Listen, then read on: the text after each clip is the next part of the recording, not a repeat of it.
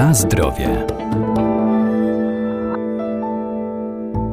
Jest wiele modeli żywieniowych, mniej lub bardziej zdrowych. Dieta DASH to jedna z najzdrowszych diet na świecie. Chroni serce i pozwala obniżyć ciśnienie krwi, bo bazuje głównie na spożywaniu owoców i warzyw uzupełnianych m.in. niskotłuszczowym nabiałem, rybami czy drobiem. Pomaga też schudnąć.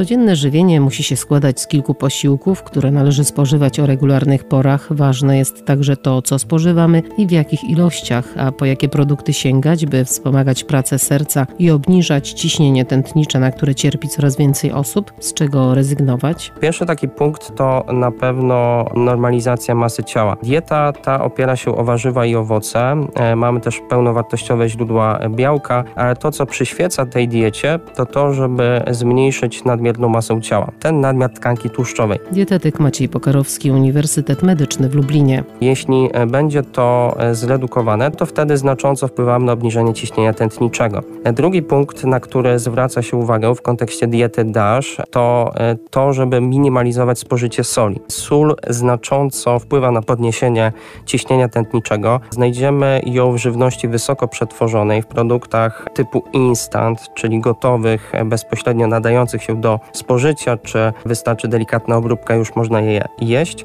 Tak samo chipsy, orzeszki solone, słone przekąski, ale również mięso konserwowe, wędzone, peklowane. W konserwowych warzywach i owocach też często znajdziemy dodatek soli, natomiast świeże owoce i warzywa będą świetną alternatywą. Wybierajmy świeże owoce i warzywa niekonserwowe, produkty zbożowe, czyli kasza, ryż, ziemniaki. Gotujmy w nieosolonej wodzie i doprawiajmy na koniec za pomocą innych przypraw. Używajmy bazylii, imbiru, tymianku, różnego rodzaju ziół. No i dzięki temu jesteśmy w stanie znacząco już poprawić te wartości ciśnienia tętniczego krwi.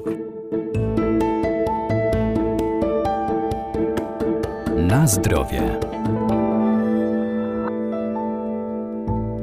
Warto też ograniczać spożywanie czerwonego mięsa, sięgać po niskotłuszczowy nabiał i nie dosalać potraw. Pamiętajmy też, że jeśli chodzi o e, sól, to ona powszechnie znajduje się w żywności, którą kupujemy, dlatego starajmy się też nie dosalać tych produktów, które my przygotowujemy, jeśli mamy nadciśnienie tętnicze, czy jest ryzyko sercowo-naczyniowe w rodzinie, bo tak jak wspomniałem, jest to znaczący element, który wpływa na wartości ciśnienia tętniczego krwi. Kolejnym elementem pod kątem diety DASH jest więcej potasu. Potas świetnie wpływa na obniżenie ciśnienia tętniczego. Można było szeroko mówić o różnych warzywach i owocach. Zadbajmy o to, żeby w każdym posiłku się znajdowały. Tutaj warto kojarzyć ziemniaki czy pomidor jako e, bardzo dobre źródła potasu, czy na przykład też banany. Natomiast najprościej do każdego posiłku pamiętać o warzywach i owocach, szczególnie warzywach. Punkt numer 4 w zasadzie to punkt, gdzie ograniczamy nasycone kwasy tłuszczowe. Mam tu na myśli generalnie minimalizację spożycia mięsa, mięsa czerwonego. Z tego też względu, że niestety, jeśli mamy nadmiar tego mięsa w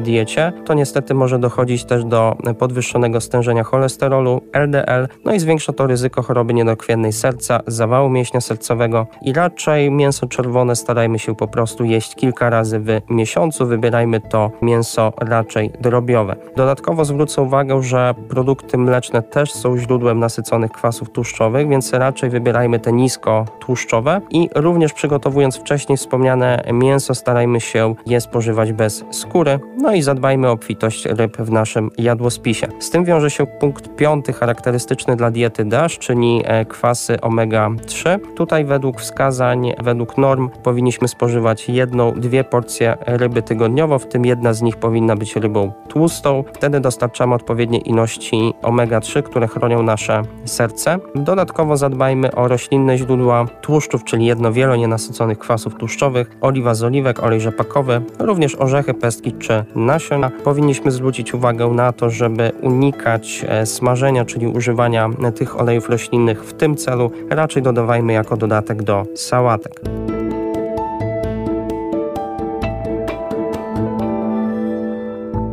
Pamiętajmy też, że zdrowa dieta to nie tylko odpowiednie nawyki żywieniowe, ale również codzienny ruch i aktywność fizyczna, a także turystyka i rekreacja, a najprostszą formą ruchu jest zwykły spacer. Na zdrowie.